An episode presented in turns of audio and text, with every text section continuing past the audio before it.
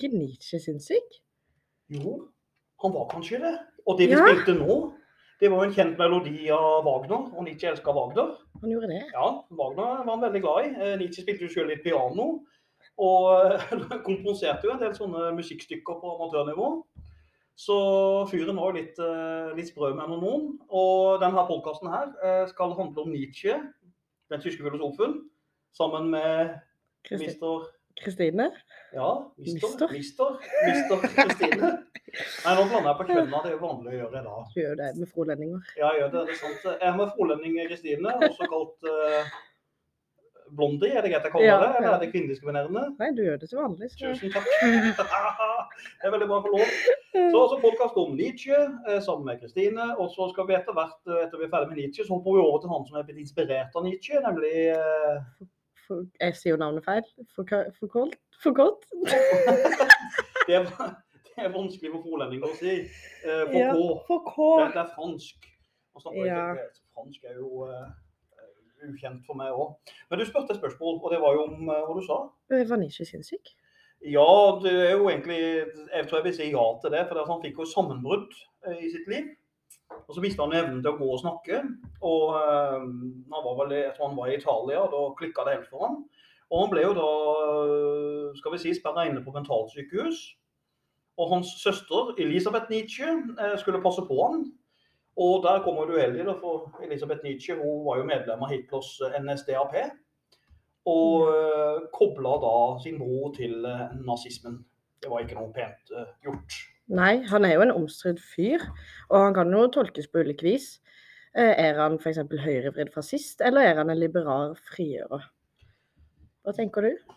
Det, ja, altså, jeg, jeg ser jo ikke Nietzsche som noen fascist. Vi skal jo komme innom Nietzsche nå etter hvert i dybden og snakke om de kjente begrepene overmenneske, undermenneske, herremoral, slavemoral. Mm. Eh, jeg ser mer at Nietzsche blitt misbrukt eh, politisk. Eh, så jeg tolker han mer inn i det her å finne seg sjøl i livet, og rett og slett, eh, skal vi si, drite i hva andre mener og tenker. Og eh, det er jo kanskje ikke sånn sett tilfeldig at Knut Hamsun, kjære norske Knut Hamsun, berundrer Nietzsche. Ja, Ja. Nei, men eh, er det vel et mysterium aktuelt? Ja, det tenker på den boka til Hamsun. Mysteriet. Ja, ja. Mm.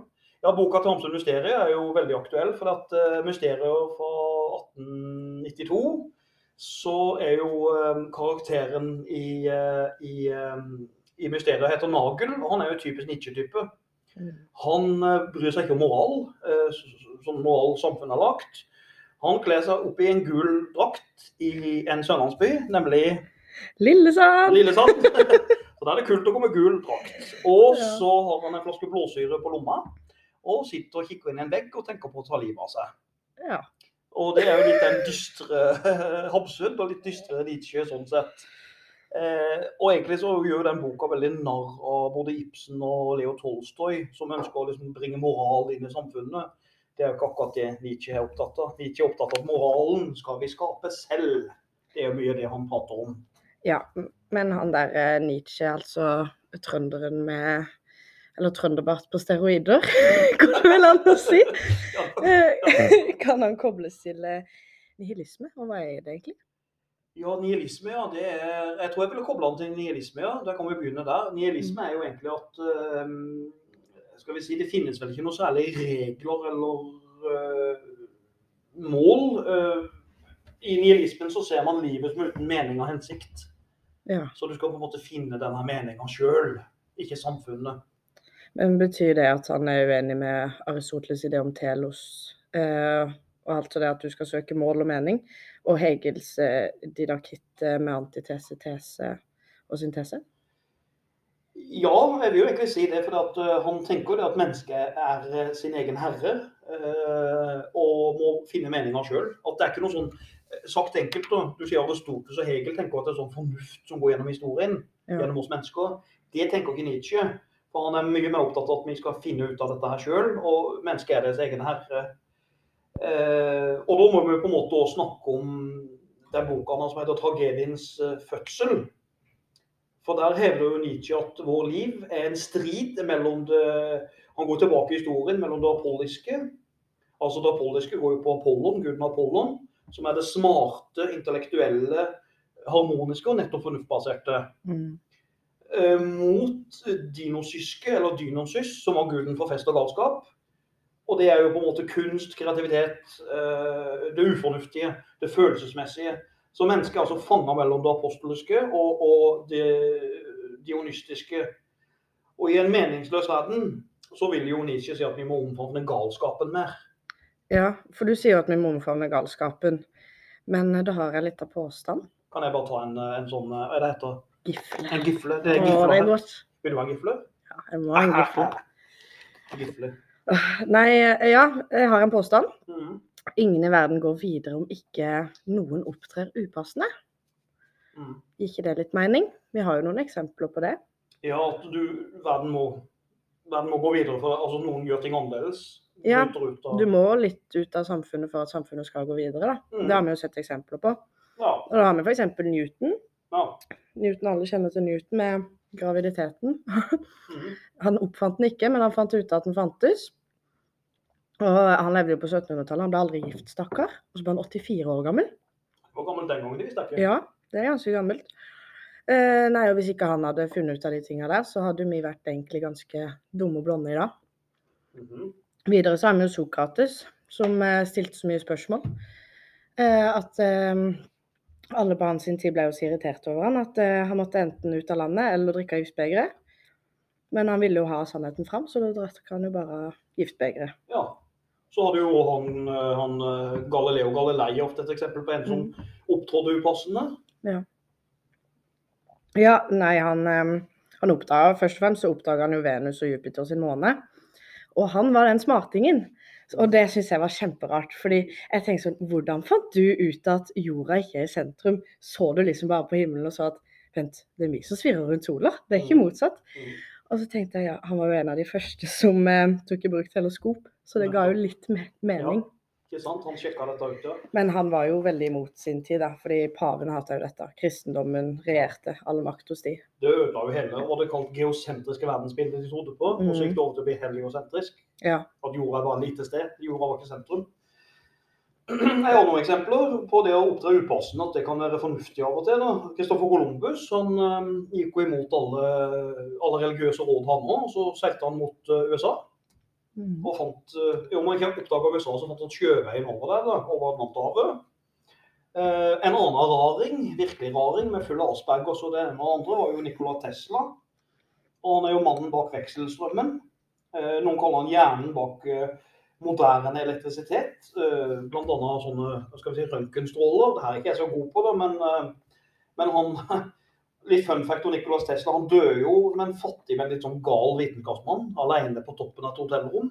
Eh, og eh, så var han sykelig opptatt av noen tall. Han var opptatt av tallene 3, 6 og 9. Og 3, 6 og 9, det mente han var hemmeligheten for å forstå logikken i universet. Jeg skjønte ingenting av det. Nei, det ga ikke mening. Nei, nei, nei, men, men, igjen, han har sikkert noen uh, tanker bak det der. Så har du selvfølgelig en som kan minne litt om Tesla, da. nemlig han eh, som driver på med Tesla, SpaceX, Twitter. Vi snakker selvfølgelig om Musk. Musk. og- Eller til fornavn El... Eh, El- Ellen? Nei. El, ikke Ellen, nei, nei, nei. Elon, Elon, jeg tror det er Elon. Ja, det er noe sånn. Han er jo sånn, så, så litt av Den gjengen vi ramsa opp nå, jeg tror nok de eh, hadde passa inn i det Nietzsche hadde kalt at de var røvere og erobrere i sine egne liv. Ja. Altså de bryter barrierer, tør å gå utenfor det vanlige, og, og eh, driver samfunnet videre. Ja. Men eh, Nietzsche, hva mente egentlig han eh, trønderen her om, om religion, da? Du gir deg ikke på at Nietzsche er trønder? Nei, men han Har du sett barten det hans? Ja, Det er jo Ja, Den barten, altså den, eh, det er trønderbart. ja på steroider. Det er, det, det er ikke tull. Tenk hvis du spiste is med den. Ja, ikke sant. Nei. Det er kaldt. Ja, det er Men eh, Nietzsche om religion, han hata det. Det sier enkelt og greit. Han Ja. hata religion. Fordi at eh, Han var jo på en måte en religiøs altså, han, er jo, han er jo en eksistensialistisk filosof, mm. men ikke sånn som Kirkegård. Kirkegård mente at religion var det øverste stadiet for mennesker. Vi måtte tro på noe som er større enn oss, mener Kirkegård, for å få mening i livet våre. Men Nietzsche han kommer jo med mm, det berømte sitatet at eh, Gud er eh, Gud er død? Gud er død. Rett og slett. Og sånn ser han Gud som en illusjon, eh, en falsk trygghet. Noe som mennesker har funnet opp for å beskytte oss eh, når noe galt skjer. Eh, eller for å beskytte de svake i en meningsløs verden. Så sånn sett ligner han på han forjobber. da. Det er noe Gud, altså mennesker finner opp for trøst. Trøste Mm. seg sjøl. Så um, sånn sett, Kristine, så kan vi se på en måte Gud og religion som en bremsekloss for mennesker. Sånn som Nietzsche tenker. Det holder Ja. igjen. Eller hva tenker du om det? Altså både ja og nei. Fordi det har vært en bremsekloss og trusselbilde gjennom alle åra, egentlig. Helt fra starten der du ble trua med å dø hvis ikke du skal tro på det jeg tror på. Mm. Eh, og så har vi jo f.eks. ting som mange tenker på i dag som er helt Hvorfor gjør du det her for at eh, noen andre skal tro, tro på en usynlig kraft som du ikke har sett engang? Mm. F.eks. jenter og gutter må jo omskjæres i noen religioner. Eh, og så Det syns jeg Altså, nei, jeg er jo ikke religiøs, mm. men jeg syns religion er fint. Men jeg skjønner ikke hvorfor du ikke får lov til å spise hva du vil. Mm. Jeg elsker å spise gris. Jeg elsker å Jeg liker jo ikke sjømat, da, men eh, Nei. Men, men jeg er helt enig. Altså, det, Mhm. der, det plager meg. og Ikke no, ikke noe kritikk av islam, men tenk å leve et liv uten bacon. Ja, men du skal ikke ete gris i kristendommen heller? Ikke skalldyr heller? Deler iallfall kristendommen. Ja, noen, noen folk. Mm. Og så har det jo kommet mye terror ut av religion. Mm. Um, ja, og så er- har det jo vært mye tvang, spesielt med ekteskap. Det hadde jeg syntes egentlig vært litt greit. Holdt, falt jeg på å si, Hvis broren min eller faren min kunne gifta meg bort til noen kjekke jaktkompiser med masse jaktterreng. det hadde ikke vært så dumt. Da har du vært fornøyd, ja. Nei da. Men Ja. det er mye fint med religioner. Du har jo tradisjoner, du får jo samhold. Mm. Og mange finner mening i livet med det. Det er mange som f.eks. har hatt det veldig vondt, har vært avhengig av rus, og finner Gud, da. ja. Men da ville sikkert. Nietzsche svart at svake mennesker de gjør dette som trøst. Ja. Han hadde garantert sagt noe sånt. ja. Ikke sant? Nei, men jeg ser hva du Mhm. sier. Mm. Eh, så det er jo klart at uh, han er jo eh, Han er skeptisk til religion, det tror jeg vil si. ja. Eh, sånn sett. Men eh, hva mente han om vitenskap, da? Ja. Vitenskap, hva Nietzsche mente om det. Og så kan vi definere vitenskap. Vi må prøve å definere det. Hva vi... Oi, det er ganske mange ord. Ja. Men det er systematisk, metodisk og kritisk undersøkelser. Altså studium eller forskning. Mhm. Så jeg er kritisk til at eh, hvis, den, hvis jeg er litt Newton, da, Mhm. at den her faller ned Ja. når jeg slipper den. Så da sjekker jeg det. Faller ned hver gang. Mhm. For da har jeg kritisk, og så tester jeg ut systematisk. ja, gjentar det seg, så kan Mm. du bekrefte det. ikke sant? Eller eventuelt avkrefte. Så vitenskap er systematisk innhenting å finne en sannhet. Og Ja. Så eh, det Nietzsche egentlig mente om vitenskap Og han skal være skeptisk til det òg. For det vitenskap mente han at du lager skjemateorier som er veldig langt unna virkeligheten. Eh, og eh, han mente at fornuften, som f.eks. Kant og alle de greske filosofene er så opptatt av, det var bare én vei til sannheten. Det finnes jo mange andre veier for å nå et mål enn bare fornuft. Eh, så han var litt sånn provosert av vitenskapen ble for abstrakt og fjerna seg fra folks liv. Og det er jo litt sånn tydelig Jeg må nevne den boka han har. Mm. som mest, en av de mest kjente bøkene Nietzsche har. Det er 'Slik talte Sarahustra'. Sarahustra, ja. Stemmer. Og det kan vel beskrives som et eh, skal vi si, filosofisk eh, Eventyr. Ja, det var godt sagt, tenker jeg. Mm. Fordi at her forteller, altså skal jeg ta boka veldig kort, eh, så fortelles det om en eh, profet. Han gjør litt narr, da. Om en profet som vil omvelte alt i samfunnet og begynne på nytt. Det er jo det som er hovedtrekka i boka.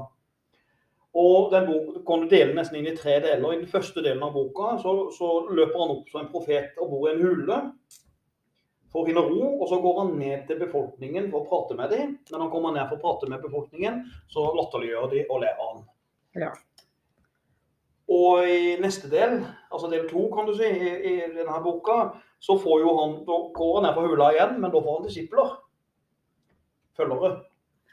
Og problemet med det er jo det at dette likte jo egentlig ikke Nietzsche. Han skriver negativt om det, for han vil ikke ha følgere. Han vil ikke ha folk som bli like han. Han vil ikke ha de mossene.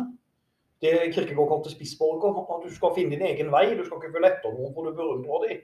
Så, så, så, så han sa til dem at nei, nå stikker jeg. Finn deres egen vei. Ikke følg etter meg og kopier meg. Og til slutt, det siste punktet da, i boka, det er jo det at han, han ender opp med dyr og naturen. Og snakker med dem. Og da er jo Nietzsche veldig eh, tydelig på at dyr han foretrekker den boka. Han, eh, han er veldig skeptisk til kamelen. Ja, det er så rart. Ja, ikke sant? Og, og det er typisk Nietzsche, for kamelen det er et sånn der eh, skal vi si, litt sånn tregt arbeidsdyr. Sliteren. Ja. Men den han beundrer, vet du hvem det er? Kan det være løven? Det er løven. Ja. For løven, løven, den er gull for han. For det løven den har jo vilje og styrke. Og det er jo det som er mye av Nietzsches filosofi. Løven er majestetisk, mens kamelen er jo bare Skal vi si. Ja, men nå ligger jo overmenneske og undermenneske som viktige begreper. Det ligger og ulmer litt i overflaten her nå. Mm. Har du litt lyst til å snakke om deg? Om deg. Om deg? Ja, på dialekten her. Deg. Vi kan snakke om deg. Jau. Jau. Her er det to stykker med dialekt. Hvordan dialekt har du? Jeg vet ikke, Felix-dialekt. Det er jo egentlig Det frolandsdialekt. nesten sånn. Utvanna. Ja, egentlig så er det det. Mm. det, er det. Men, eh, men, eh, nå, men jeg tenkte du sa overmenneske og undermenneske, var det ikke du sa? Mm. Ja, Det Nietzsche mener med de begrepet, det er at um, han vil jo fremme livet med de begrepet og tenker at vi må tenke på nytt. Og han er veldig positivt innstilt til mennesket akkurat her. For det han mener at vi har veldig behov for overmenneske. Og hva er overmenneske? Det er et menneske som, som sjøl fyller livet med mening. Og det er et menneske som har skjønt at det er ikke noe endelig mål med tilværelsen. Det er ikke noen stor fremtidsplan, det er ikke noen store ideer. Du må sjøl finne ut av det. Eh, og så kommer det litt dystre, da. Mennesket har alltid vært alene, alene i tilværelsen. Vi fødes alene, og vi dør alene. Det er litt dystert, akkurat den der. Og det er derfor vi har skapt Gud med kunstige ideer. Og når Gud er død, det er derfor han sier Gud er død. Gud er død fordi mennesket må sjøl kunne ta ansvar i sine liv. Ja. Vi, vi skal ikke ligge og, og være noe undermenneske. Eh, og eh, ja, Ha slavemoral, på en ja. måte. Og, og slavemoral, det kan jo sikkert du si litt om, Kristine. Du som Ja, for man kan jo uh, løsrive seg fra denne slavemoralen. mm, Uh, men slavemoralen er jo kunstige dyder som lydighet, uh, formhet og rettferdighet, som er veldig skadelig for oss mennesker, ifølge Nietzsche. Eh, og for å komme seg ut av denne slavemoralen, så må du skape din egen moral. mm, Og herremoral, det var som regel kunstnere, folk som turte å være litt rare, kanskje, ja. for å si det sånn. Eh, og i boken 'Moralens eh, genologi' så kommer oppgjøret med kristendommen, f.eks Mm, og tradisjonell moral, eh, og hvorfor det er rikt, eller hvorfor det er riktig i livet å vaske føtter til disipler eller hjelpe spedask. spedask. Spedalske. Takk. Eh, men hvem er det som har sagt dette? Og vi kan jo ta fra vår tid, f.eks. Eh, hvorfor skal vi hjelpe narkomane? ja, det er jo sånne spørsmål de ikke hadde stilt. Mm. Det er jo det. Altså, hvorfor, hvorfor skal det være det rette livet å gå og hjelpe syke, spedalske, hjelpe narkomane? Han sier ikke ikke du skal gjøre det, men han stiller, stiller spørsmålet hvorfor. Hvorfor Mm. er, det så, hvorfor er det overlegen moral, og hvorfor er det å ikke gjøre det slavemoral? Altså, Hvem har bestemt det? Det er jo bare samfunnsbestemt, vil han sikkert si. Men eh, jeg som er russ, har det Mhm. hatt slavemoral eller herremoral? Eh, ja, det er jo et godt spørsmål. Eh, føler du, da må jeg nesten spørre deg, føler du at du tar individuelle valg som russ, eller føler du mengden? Det er jo det som er spørsmålet. Mange russ føler jo mengden, men jeg vet ikke hva du gjør. Eh, altså, Sist uke så droppa jeg rulling for å sitte og spille bingo. Bingo, ja. Akkurat. Så jeg føler ikke helt sånn Men jeg, altså, hvis jeg kunne bestemt meg for å være russ på nytt, så hadde jeg ikke gjort det. Nei. Det er ikke så himla gøy. Men da bryter du litt ut av slavemoralen, tenker jeg. Ja. Og følger mengden. Og så gjør du det du føler er riktig. Ja, så er det litt herremoral, da. Da har du litt herremoral. Da. Du skal tolke det sånn. Ja. Men det er veldig mange som bare følger mengden. Eller det er sånn ikke hissig på. ja. Fordi at, øh, han ville jo sagt det at uh, moral er Eh, Din egen herre. Ja, altså du, du må sjøl skape moralen. Mm. Og ja, du, din, ja, du sa det godt, du er din Ja. egen herre. Moral er liksom konstruert og skapt av samfunnet. Så det, det er jo litt sånn. Ja, men eh, hva er egentlig målet til Nietzsche med overmennesket? Ja, hva han vil med det, ja. Mm. ja ikke sant? Var potetsuppa god? Den var himla god. Ja? Ja, Du klarte jo ja, søle uten først. jeg gjorde det. Jeg klarte faktisk å sjikanere og trakassere potetsuppa til Kristine. Ja, det var trist. Jeg fikk ny, da. Ja, du fikk ny. Du fikk ny. Jeg skal skolen betale, ikke meg. Ja, det er godt. Så, eh, jo, og, jo, men jeg tenker også dette om overmennesket, da. Nietzsche, hva, hva han vil med det. Et- Det Nietzsche vil, er at han har lyst til å gå tilbake til styrken i antikken. Han er veldig glad i antikken som tidsperiode. Ja. Eh, og det er rett og slett Det blir litt sånn Andrew Tate, da menn var menn. Jeg tolker han nesten litt sånn. Nei, er Nietzsche Andrew Tate? Ja, Kan... det er nok kanskje Tate prøver nok kanskje å kopiere Nietzsche litt. Uff, så trist. Men uh, Nietzsche har mye mer hår på brystkassa enn han. Ja, det håper jeg. Men eh, det, liksom, han vil tilbake til antikken. For den greske tra tragedien, det mente han det skjedde jo det skjedde jo ifølge han når, når Apollo altså Han skriver jo ned når, når guden Apollon. Og Apollon var jo guden for orden, stil og selvbeherskelse. Mm. Altså Apollon var jo den skal vi si, moralske guden som skulle holde balanse i livet, gyldig middelvei. Eh, når han seirer over Dinosus Mm. i et lite slag, og Dinosus er jo guden for eh, Kaos og ville lidenskap. ja, ikke sant, partyguden. Fest. Ja, russeguden om du vil. ja. Ikke sant? Og, og, og så, så mente han jo at krigermoralen til Sparta og Romerriket, det var det rette. Ja. Altså den moralen de hadde, æresbegrepet de hadde, var veldig positivt. Og det, det ligger liksom inne dette med overmennesket.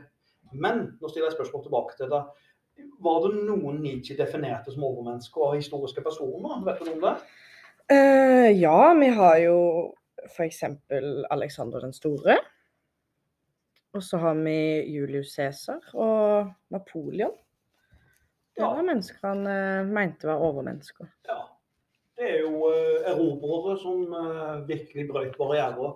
Ja. Ehm, men hva er det gode? Sokrates eh, han var jo opptatt av 'kjenn deg selv' og Platons idélære, og så har vi jo Aristoteles selvrealisering. Men hva mente Nietzsche var det gode? Ja, Det er jo et veldig godt spørsmål. For at Mhm. han, han, han mener du skal finne altså, mennesker som finner så mye seg selv, men, men det han skriver noe om, da, det er at han bruker begrepet 'viljen til makt'. Ja. At det, viljen til makt er noe av det ekte for han. Eh, for det, det å få makt og kontroll over deg sjøl, det ser han som positivt. Eh, svakhet ser han som ondsinna og dårlig. Eh, og tolka, hvis jeg tolker det sånn, da, så tenker jeg at eh, Jeg tror nok Nietzsche hadde forsvart det at du skal ha selvkontroll. At du ikke kan bare falle for lystene dine akkurat som du vil. Du må ha altså du, du, du må, Hvis du kontrollerer dine lyster og behov, så er du et sterkt menneske. Så yeah. tolker han litt. For det er viljen til, viljen til makt. Men så må du òg være skapende og kreativ. Så han er veldig opptatt av skapende og kreative mennesker. At du skal være åndel, som du nevnte kunstneren i stad sikkert. Mm. Han var jo sjøl en amatørmaler og elska Wagner, som vi spilte innledninga her. I Valkyren, tror jeg det var. Jeg er ikke så god på det gamle opphavet. Men, eh, og Derfor kommer det fram da, Kristine, at, at eh, Nietzsche er veldig kritisk til han eh, tørre prøyssiske filosofen Immanuel Kant. Han liker Ja. ikke Kant og Kants kategoriske imperativ. Nei, og kant, kategorisk imperativ, jeg må bare si litt om det før jeg skal si kritikken hans. Og det går ut på at du bør handle slik at begrunnelse for handlingen din skal kunne bli gjort til en allmenn gylden lov. Så det jeg gjør mot du, kan jeg forvente at du gjør tilbake til meg. Altså den eh, Vi har jo en sånn norsk lov for det, men jeg sier jo feil på denne. Gyllen her. eh, regel, er det ikke det du tenker på? Jo. Ja. Eh, Så hvis jeg slår deg, så kan du slå meg. Hurra! Basically. Men, eh, Au! Nei da. OK. Men Nietzsche mente at det fantes ingen overordnet fornuft, slik som Kant tenkte i hvert fall. Og så pliktetikk eh, er nok sett på som falsk og kunstig. Ja. Og det, han slo meg ikke i stad, så jeg måtte bare si det. Eh, Og det finnes ingen eh, indre godhet eller evig sannhet, bare ulike fortolkninger. Ja, for Kant tror vi at det finnes noe sånn unikt Både Kant og Sokrates at det finnes Mm. noe godt inni mennesket fra før av. Men ikke vil bare si det. Nei, det er ikke én sannhet. Du har mange ulike delsannheter og fortolkninger. Ja. Eh, og sånn blir det jo Nå sitter vi med potetsuppe her, blant annet. Alle mulige ting. Og så er jo den Er potetsuppa er den, er den halvfull eller en halvtom? Det spørs jo øyet som ser. Altså det er jo sånn at er, det helt avhengig av den positive fyren som ser, eller den negative. Hvem er hvem? Eh, så eh, han hadde ikke vært så veldig positiv til pliktetikk og sånn sett godhet. da. Nei, men eh, nå spør jeg du litt, Magne. Magne. -hmm. Finnes det noe allmenn godt, og eksisterer det ekte kjærlighet og omsorg? Oi, det er et spennende spørsmål, for det går Mhm. veldig inn i Nietzsches filosofi. Eh, jeg ville nok sagt ja til det spørsmålet, for at jeg tror Må du gjerne være enig eller uenig, men jeg Mhm. tror det at eh, de fleste mennesker har samvittighet. Og vi har eh, grad av følelser og empati. Ja. Så vi har evnen til å bry oss om hverandre. Litt sånn, Jeg tar John- Locks utgangspunkt der. litt sånn At vi, vi har evnen til å være gode mot hverandre. Derfor overlever vi. Men er, er vi gode med hverandre fordi du gjør andre godt, eller er det fordi du får en god følelse av deg sjøl? For jeg tenker jo at eh, det Mhm. ligger egoisme bak nesten alt. Jeg har faktisk et sitat på russekortet mitt. OK, ja vel. Ja, her står det 'først meg selv, og så min neste hvis det er til mitt eget beste'. Det var jo fryktelig passende. Ja, det var det. I, Det passa, i ja. tematikken her. Dysleksia sitt russekort. Dysleksia, ja, ja. Nei, men eh, altså, hvis du gir um, en sekser til en elev, gjør du det OK, hvis jeg fortjente en femmer, og du gir meg en sekser, da. Mm. Uh, gjør du det for å være snill med meg så at jeg kommer billig unna, eller gjør du det fordi oi, jeg har vært en god lærer, jeg er flink som har lært de her elevene, jeg sitter med en god følelse igjen. Ja. Og du koser jo ikke med en katt fordi katten syns det er godt, du koser med en katt fordi du syns det er gøy, holdt jeg på å si. ja, jeg skjønner. Nå liker ikke jeg katter, men jeg skjønte eksempelet ditt. Nei, Gir du hundeperson? 100 Ja, Nei da. Jeg er begge. Men jo, eh, ekse- altså du, du sier at all, all bakgrunn for menneskelig godhet eh, ligger i at vi får noe igjen for det, det du sier? Ja, altså det, så klart er det hyggelig hvis jeg gir sjokolade til Sole, men eh, det gjør jo noe med meg. og Jeg blir jo glad for at jeg mm. klarer å dele og hjelper andre. Ja. Men, men nå vrir jeg mot deg. Tror du ikke vi har eksempler på Nå blir du litt sånn Nietzsche her. Nå er du Nietzsche, og så er det meg som er John Lock, holdt jeg på å si nesten. Men eh, eh, har du ikke eksempler på at det finnes tror, tror du ikke det finnes gode handlinger som er uegoistiske òg? Da må jeg nesten ha eksempler. Oi. Um, eksempler hvis du, hvis du ser sånn Skal vi si um, Nå var det jo sånne skytetragedier i USA når de kommer. Så vil du se at mødre hiver seg over barna sine for å redde dem. Eksempel. Oi, du, nå gjorde det faktisk vanskelig Ja. for meg. Skal jeg prøve å tenke fra Nietzsches ståsted? Ja, du kan prøve. Um, fordi barnet er en del av mora. Det er det beste jeg kommer med. Ja, Så det blir en egoistisk handling da òg. Ja. Du hadde ikke gjort det med en uteligger. Du hadde ikke hevet det over for å redde en uteligger. Du redder det som er nært, altså du har skapt sjøl. Fra Nietzsches ståsted så hadde jeg kanskje sagt det, men jeg tør ikke å si at det er personlig mening. Nei, OK. Det Hvis det går an å si argument mot argument. Men Ja. OK, da, da går jeg nesten videre på neste argument. Vi skal prøve på et siste et. Så tenker jeg det at eh, Nei. menneskets godhet kan veldig ligge i det spontane. Hvis noen er i eh, Jeg husker en gang jeg var i Amsterdam, og så var det en som gikk over eh, Holdt på å krysse, gå rett foran en trikk. Mm. Og plutselig så bare strakk jeg ut hånda og bare dro den personen tilbake. Instinkt, da, rett og slett. ja, altså Ja. instinktet. Altså, jeg, tenker, jeg fikk ikke tid til å tenke, det var bare spontant. Og da tenker jeg noe i vårt instinkt må være godt i vår natur òg. Selv om vi er brutale òg, ja, er enig i den. Mm. Men det må være noe godt, ved kjente jo personen. Ja. Jeg vet ikke hvem det er. Men eh, kanskje du ikke hadde personlig lyst til å si at noen skulle dø. Nå er jeg Nietzsche. Ja, jeg skjønner hva du sier. Du, du kommer, vi kommer aldri ut av den der argumentasjonen. Dere som lytter, får sjøl gjøre opp meningen. Er mennesker onde eller gode? Har vi evnen til godhet? Og så videre. Eller er det godhet bare kunstig konstruert? Nietzsche trodde ikke på kjærlighet heller. Han var negativ til kjærlighet. Det var bare noe samfunnsskapt. Jeg skjønner ikke om jeg skal like fyren eller ikke like han. Nei, det, De som liker han, er som regel litt sånn bitre menn. Ja, sånn, Ofte. ja, 50 pluss hvite mannfolk. Ja. Ja. Det kan helt sikkert si ja til det. Men uh, Nietzsche kommer jo med en liten advarsel om egen filosofi. Han advarer jo oss mennesker. Mm. For han sier jo et uh, sånn kjent, uh, kjent ting, så ikke folk skal misforstå filosofien hans òg, tror jeg. For han advarer mot det at ikke du skal stirre inn i avgrunnen. Eh, fordi at avgrunnen og mørket kan plutselig stirre tilbake på deg, sier han. Skummelt. Ja, så du skal ikke oppsøke det mørke og dystre for mye. Så det spørs litt hvordan man tolker denne, denne Nietzsche, da. Ja. Men sånn, litt sånn avslutningsvis nå med Nietzsche, så er det jo sånn at vi må ta noen valg i livet. Det må vi gjøre. Kristine. Ja. Og, og de, de valgene de tar vi ikke ut fra plikt, men vi gjør det veldig mye ut fra lyst, eller gjør vi det fra vilje. Mm. Og vi kan jo kanskje kjøre en kort quiz om, om vilje. da. Nå skal jeg ta veldig raskt på det, for eksempel. Okay. Eh, skal vi ta sånn klassiker? Skal vi ta, OK.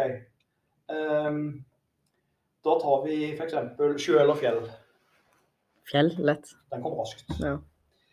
En sekser på eksamen eller vinne 10 000 i Lotto. Da ville jeg da fått femmer på eksamen og 10 000 i Lotto. Oi, såpass. Du nøyde deg med fem år?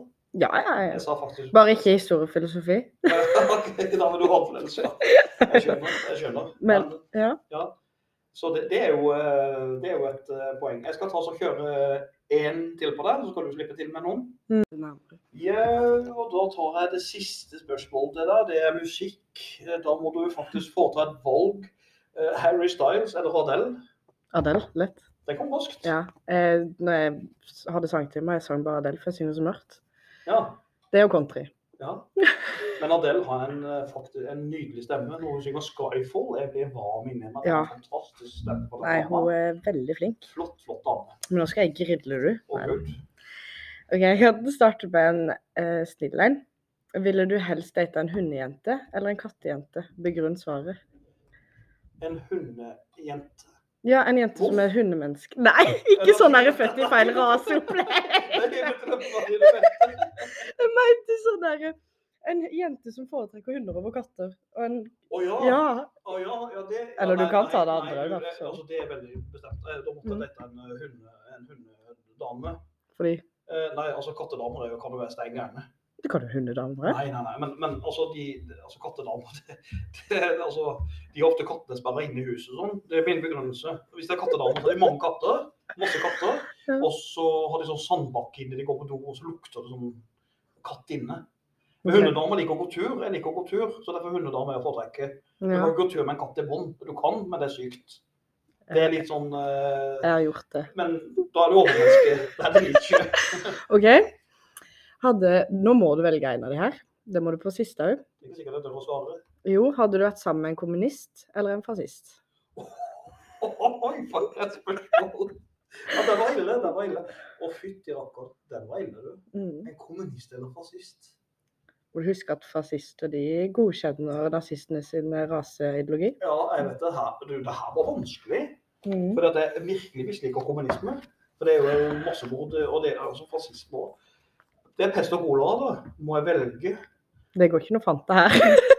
Nei, du vet hva, da må jeg faktisk si at jeg hadde nok dessverre blitt sammen med den røde fare. ja. Men det, det sitter langt inne, altså. Det er jeg faktisk enig i. Ja. Men eh, ja, kommunister nå er kanskje litt annerledes, da. De, det var det jeg tenkte på. Ja. De er litt hyggeligere. Fascister er ikke hyggeligere. Nei. Kommunister har roa ned da litt. Og siste, Ja. nå må du velge. Eh, hvem er favoritteleven din overfor E og Erlend? Du, du versus Erlend. Ja. Nei, Dette var forferdelig vanskelig. Vi stoppe? Ja. Men Erlend er jo så skjønn. ja, eh, jeg kan ja. Er virkelig, virkelig skjønn, ja. Mm. Nei, nei, det var vanskelig. Var det faktisk det, Magne? Ja, jeg må tenke. Ouch! Det var en skikkelig ouch. Her, jeg må jo svare, da, må jeg ikke det? Hvis du svarer Erlend, så begynner jeg å grine. Ja. Nei da. OK, men da um, Siden vi er i skolesammenheng, så skal jeg faktisk da være Så skal jeg svare deg, da. Ja, det blir gjerne en begrunnelse. Ja. Da må jeg begrunne det. Erlend er en eh, fin fyr, men, Stakkar Erlend. men du Du, du, du eh, Ah, vippa mi. Oi, datter nå, ja. Ja. Nei, du, eh, du gjør litt bedre, kanskje litt bedre innsats enn han av og til. Er det Ja. greit å si Ellen? Hvis ikke så får du uh, hudflette oss hvis du hører oss. Stakkars Ellen. Hun komme til å sjekke opp med Ellen ennå. Han er en fin fyr, da. Han er det. Så han er veldig flink til å selge baconpølser. Ja. Det er han god på. Åh, baconpølser, det er godt. Jo, jo. Eh, men nå har vi nei, har, vi altså, Det var fryktelig vanskelig spørsmål. Ja. For jeg måtte ta valg. Men heldigvis er jo jeg læreren, og jeg har jo alltid makt til å definere sannheten. Mm. Så nå er jo det jeg sa, er sannheten. Og da, når det gjelder makt, så danser vi jo lett over til PK. Ja. Denne altså. franske filosof... Nei, ja, den franske, ja. Fransk og skalla, Ja. og kanskje pedofil. Ja, æsj.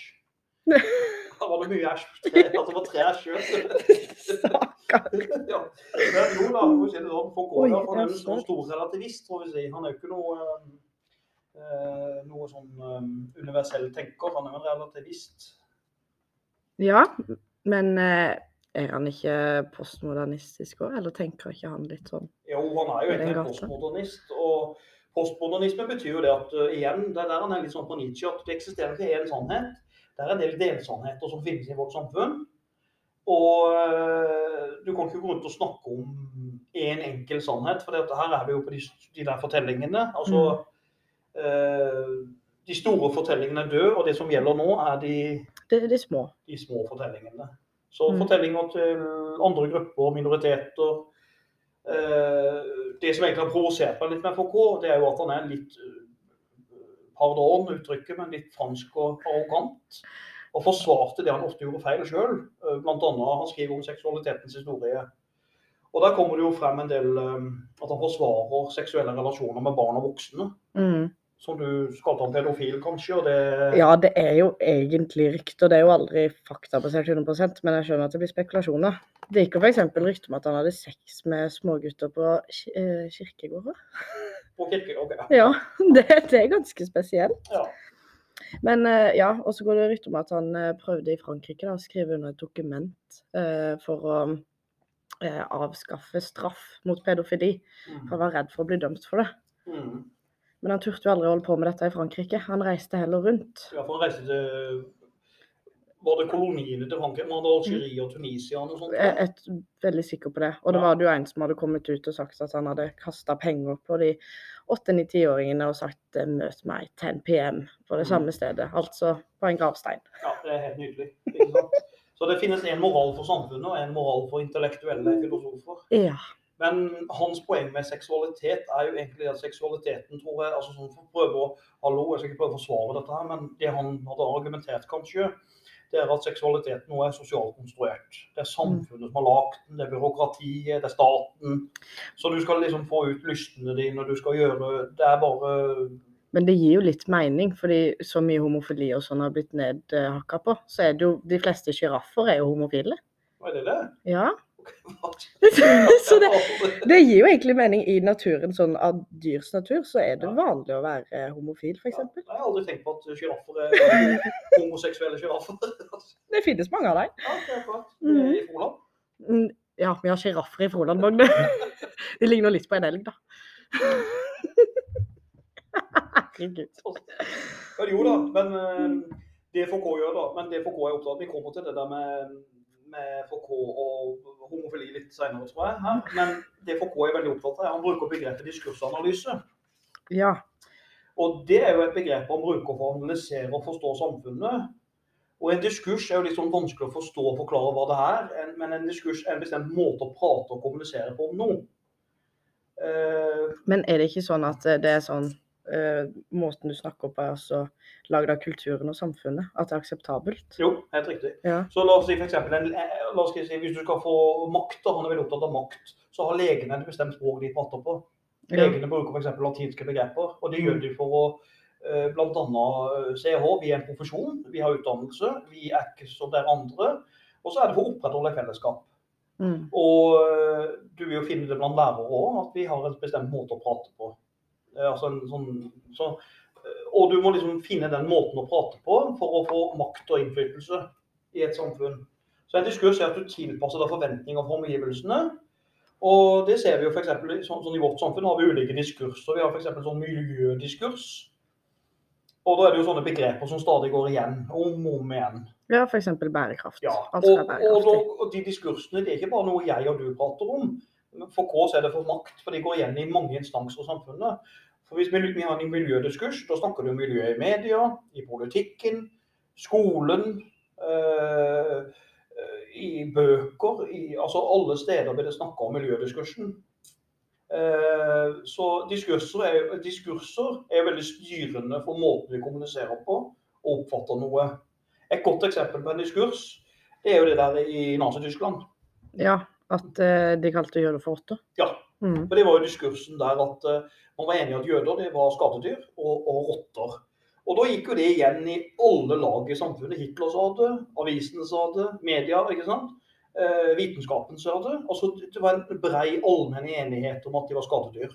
Og til slutt, jo mer mange ganger man dunker inn en ting, et budskap, jo mer sant blir det for noen. Det ser vi jo med Trumps kommunikasjon.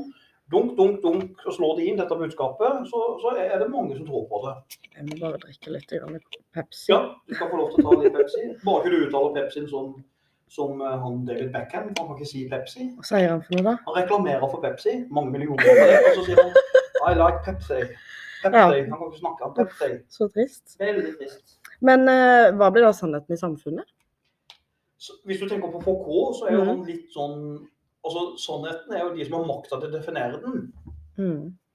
Og det er jo den som har diskursen, eller også makta i samfunnet, måten å prate på, som kan si hva som er greit og ugreit. La oss bruke Foucaults eksempel om nettopp homofili, eller homoseksualitet, hvor vi gammeldags ord. Så, så vil du se det at homofili er ikke en sånn ting er, altså at, i en, altså at det er liksom en rød tråd gjennom historien hvordan det er. For eh, det varierer hvem som har makta i antikken. Hvordan så de på homofili da? I antikken da var det kjempepositivt. Ja. For alle disse greske filosofene de var jo det vi hadde kalt pedofile i dag. Ja. Men den gangen så var det helt OK. ja. Du fikk kunnskap. Kunne rett opp. Ja. av sex mot kunnskap. Mm. Går du til middelalderen, så har diskursen endra seg. Da er det fy skam deg. Dette er syndig, for da er, det, da er det kristendommen som har vunnet frem. Og da er det selvfølgelig mann og kvinne, og det er religionen i sentrum. Mm. Og, eh, og så går du fram til neste tidsperiode, da er det opplysningstida. Opplysningstida, da er det jo mye mer aksept for det. For det er jo menneske, da er det liksom frihet til mennesket igjen, og det er mer fokus på kunst. Opplysningstida er jo litt tilbake til antikken. Og går du til nasjonalismen, så blir det, så blir det, så blir det litt sånn fy skam igjen. For nå skulle staten bygges, du skulle ha militære, du skulle ha ikke sant, litt sånn macho-tid på 1800-tallet. Passa det ikke med homofili.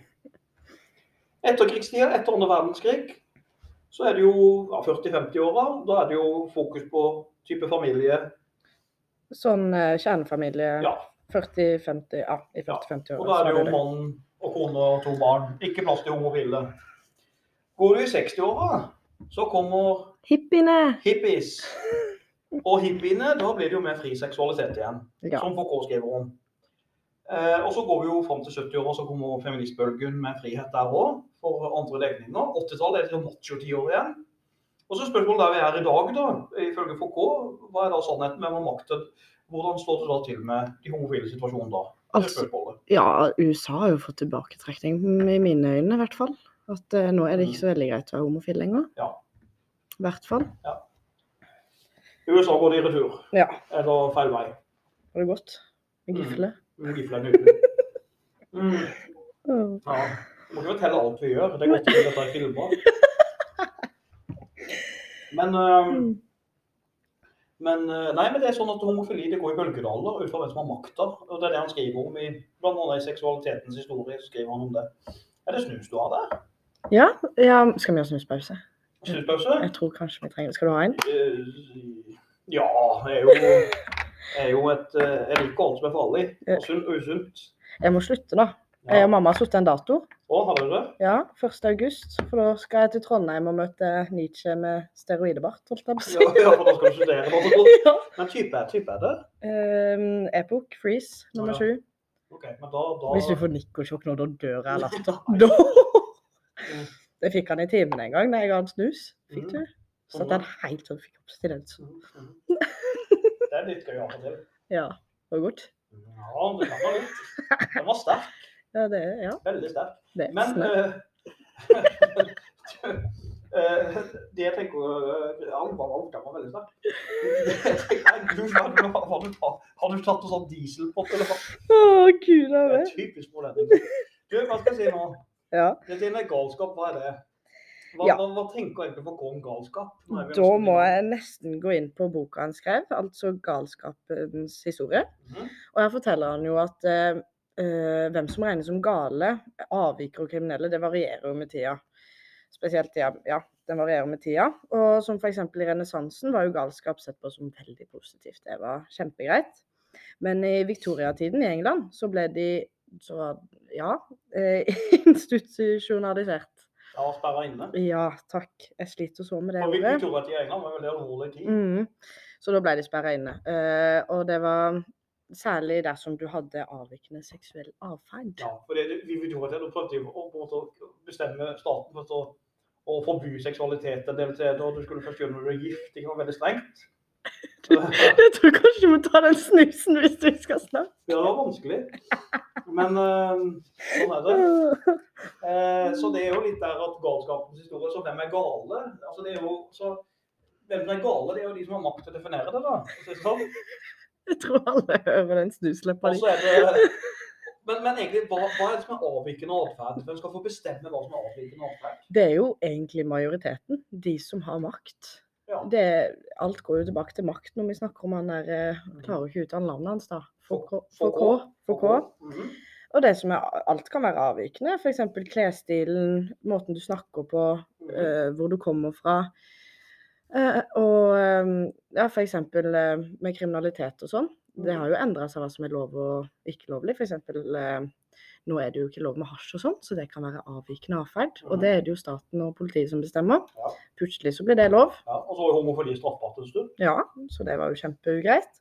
Så det er egentlig de med makt og status. Men eh, status også fordi det er jo avvikende atferd i klasserom. f.eks. Ja, det er det. Mm. Men helt ærlig, jeg er jo lærer, og du er, Mhm. det. er det ikke litt deilig med avvikere av og til? Altså sånn sosiale avvikere trenger Ja, ja. For uh, galskap er noe så negativt. Og det er jo det for K etter. Galskap er ikke bare negativt. Nei, men hvis man ikke tenker utenfor boksen, så kommer vi jo tilbake til uh, uh, eh, Nietzsche. Går, du, du må jo være litt eh, gal for å la vi, samfunnet gå videre. Du må det. Du må ha Mhm. noen, originaler som drar, uh, som drar dette videre. Ja. Og sosiale avvik har vært veldig positivt. F.eks. de som redda jøder under verdenskrig. De var mm. sosiale avvikere. Ja. De var jo det.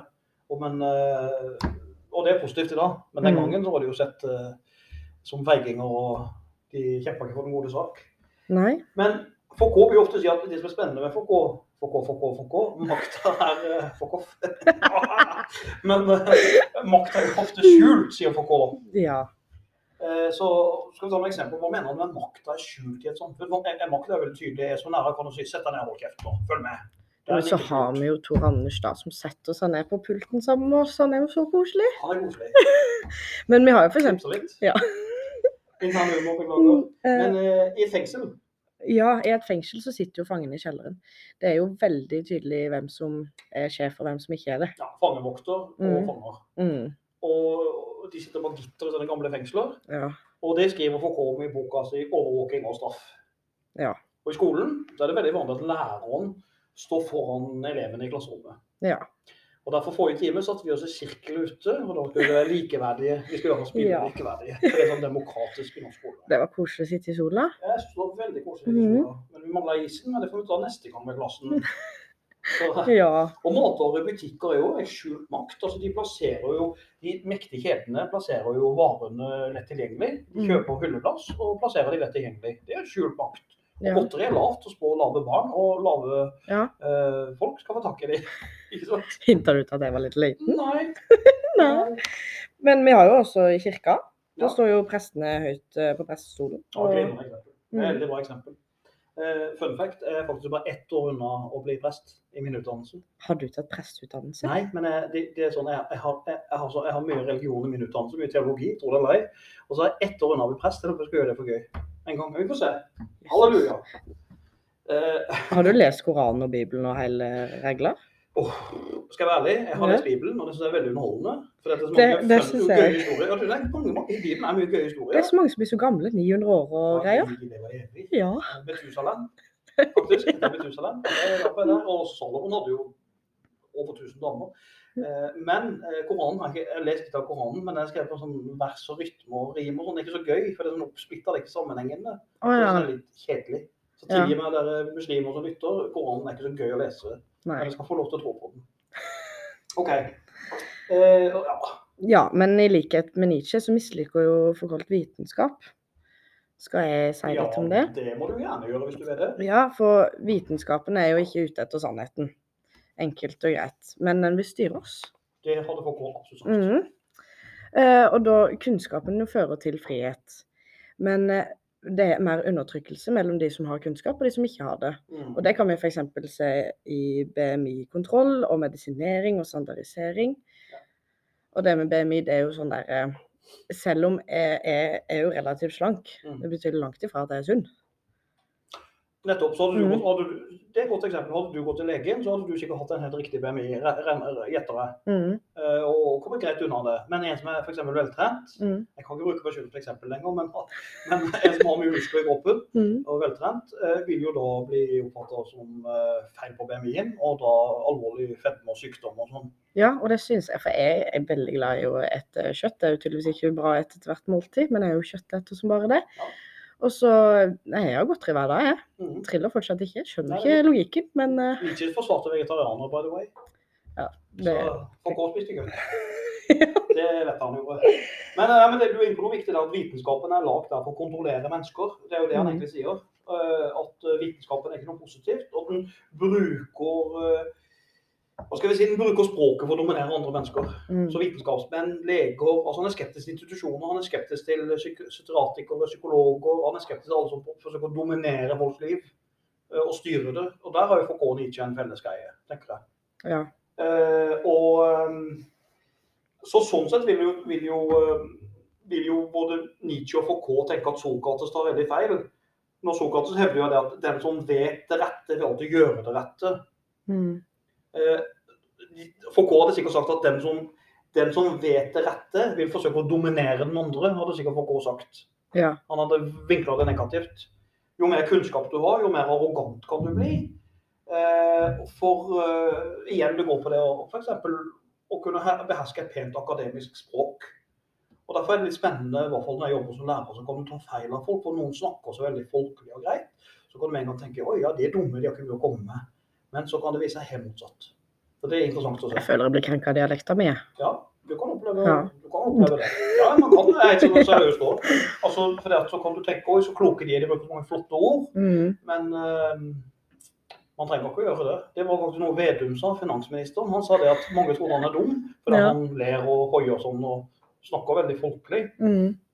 Men jeg tror ikke Vedum er så dum. Det tror jeg ikke. Han er tross alt blitt uh, leder av selveste Senterpartiet og uh. Senterpartiet er fint, altså. Jeg stemte de forrige gang. Gjorde du? Ja, Så bra. Ja, jeg vet ikke hvor bra det var, men jeg gjorde Nei, de var ikke så flinke. Nei, etter hvert. Vi får se. Vi får se neste gang. Vi får se. Kanskje Nei, jeg vil ikke si jeg skal stemme neste gang. Men eh, ja. Eh, mennesket blir jo skjult eh, disiplinert i dagens samfunn, da. For eksempel. Ja, jeg glemmer å si at det er Men han som sier det. hvordan blir vi da skjult disiplinert? Nei, f.eks. i økt utdanning. Da må jo vi sørge at vi får tatt den utdanninga og går videre. eh, At vi utdanner oss høyt. For ellers så havner du på utsida av samfunnet. Ja. Jeg kan ikke bare slutte etter eh, tre år på videregående, jeg som går studiespesialisering, da. Nei. Da har jeg ingenting. Nei, du har ikke frihet til det. Nei. Altså, vi, vi sier vi har frihet til utdanning, frihet til å ta valg. Men har, har vi egentlig frihet i vårt samfunn? For som du sier, utdanningssystemet Ja. er jo nesten en tvangstrøye. Nei, vi har jo ikke det. Du, for jeg skal jo bli lærer, som, ja, som du godt vet. Og Mm. da må jeg i hvert fall ha en master, en bachelor og helst to bachelorer. Ja, det må Mm. du nok for å få jobb. Og Ja. da, da OK, du har frihet til å velge det, men samtidig så, så er det blitt en utdanningsinflasjon i vårt samfunn. Det er så mange som tar det. Og nå er ikke religion noe reelt. Altså, Mm. Nietzsche sa at religion øh, terroriserer folks frihet. Nå er det kunnskap. Nå er det kunnskap, kanskje. Eller teknologi. Ja. Teknologi er bra, bedre Ja, så, så øh, skal si det sånn, så, så er det kanskje vi blitt hvis, hvis vi bruker ordet slavemoral, da, vi går Mm. tilbake til det begrepet da, til Nietzsche, så er det klart at vi er kanskje mer slaver i dag for teknologi og utdannelse Ja. og det å være flinke. Flink pike, rett og slett. Ja, det var godt du brukte det ordet. Mm. For det er jo den flink pike-diskursen som Mm. preger vårt samfunn. Når folk nesten begynner å grine i dag for å gi dem en femmer eller sekser. Ja, det er litt mer. Ja, ikke sant? Men folk, det, det blir så veldig krav. Ja. Og det er jo noe av det Foucault snakker om, at uh, den her skjulte, disiplinerte makta som ligger i samfunnet, at sånn og sånn skal det være for å være vellykka. Ja? ja. Så egentlig hovedpoenget til FK det er at makta finnes overalt.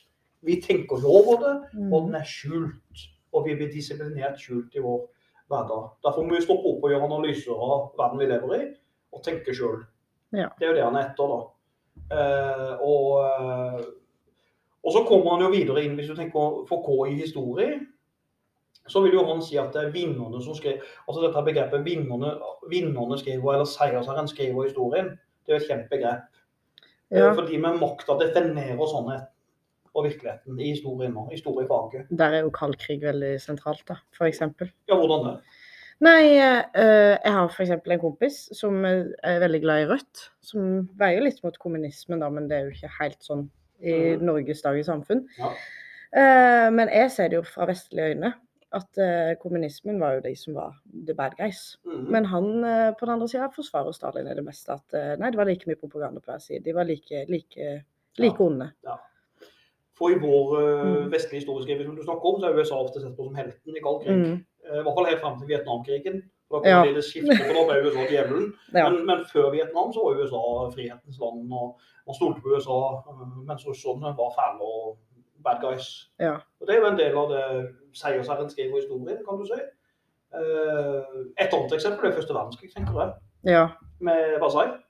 Ja, at tyskerne, de var, de var fiendene. De var det verste. Ja, for tyskerne fikk jo all skyld i første verdenskrig. Ja. og- De måtte skrive under på at de hadde all skyld. Og det er klart at øh, var det sannheten? Det var jo mange andre som hadde skylda. Nei, ja, det var mange andre. Ja, Og da fikk de konsekvensene sine. Absolutt, de fikk svi. Og det er klart at da Første verdenskrig, da er vi inne på det at de med makta sier seg den definerte sannheten. Mm. Og øh, mens f.eks. russerne ble jo ikke, fikk ikke noe kritikk der. USA, øh, England Mange hadde vært krigshissere, de òg. Men igjen, tyskerne måtte signe under på at de hadde all skyld i krigen, noe som ikke var rettferdig. Ja. Selv om keiser William hadde krangla mye. Men det er dette her med øh, Kanskje vi heller skal si det sånn at det finnes ikke én sannhet, men mange delsannheter. Ja. Og de ved makta definerer den. Det er jo mye av Det er alltid en gyllen middelvei der. Ja, det er ofte det. Mm. Det er ofte en Og det sier som Hegel sier, det er en eh, en tese. Og en antitese Yes. Og så kommer syntesen. tesen. Ja. Da var vi kloke, Ja. syns du? Jau, eh, var vi brukbart igjennom dette her nå, tenker du? ja, jeg har i hvert fall ikke noe jeg ikke skulle sagt noe, holdt jeg på å si. Men da er det jo bare å kose seg videre i sommerdagen med, med Giflene våre. gifler og ikke minst eh, Snusen din. snusen. Skal du ta den inn på nytt? Ja, Vi må jo gjøre nytt forsøk. Men da takker vi. Skal vi takke for oss? Ja. Takk for oss. Takk for oss. Jo, oi.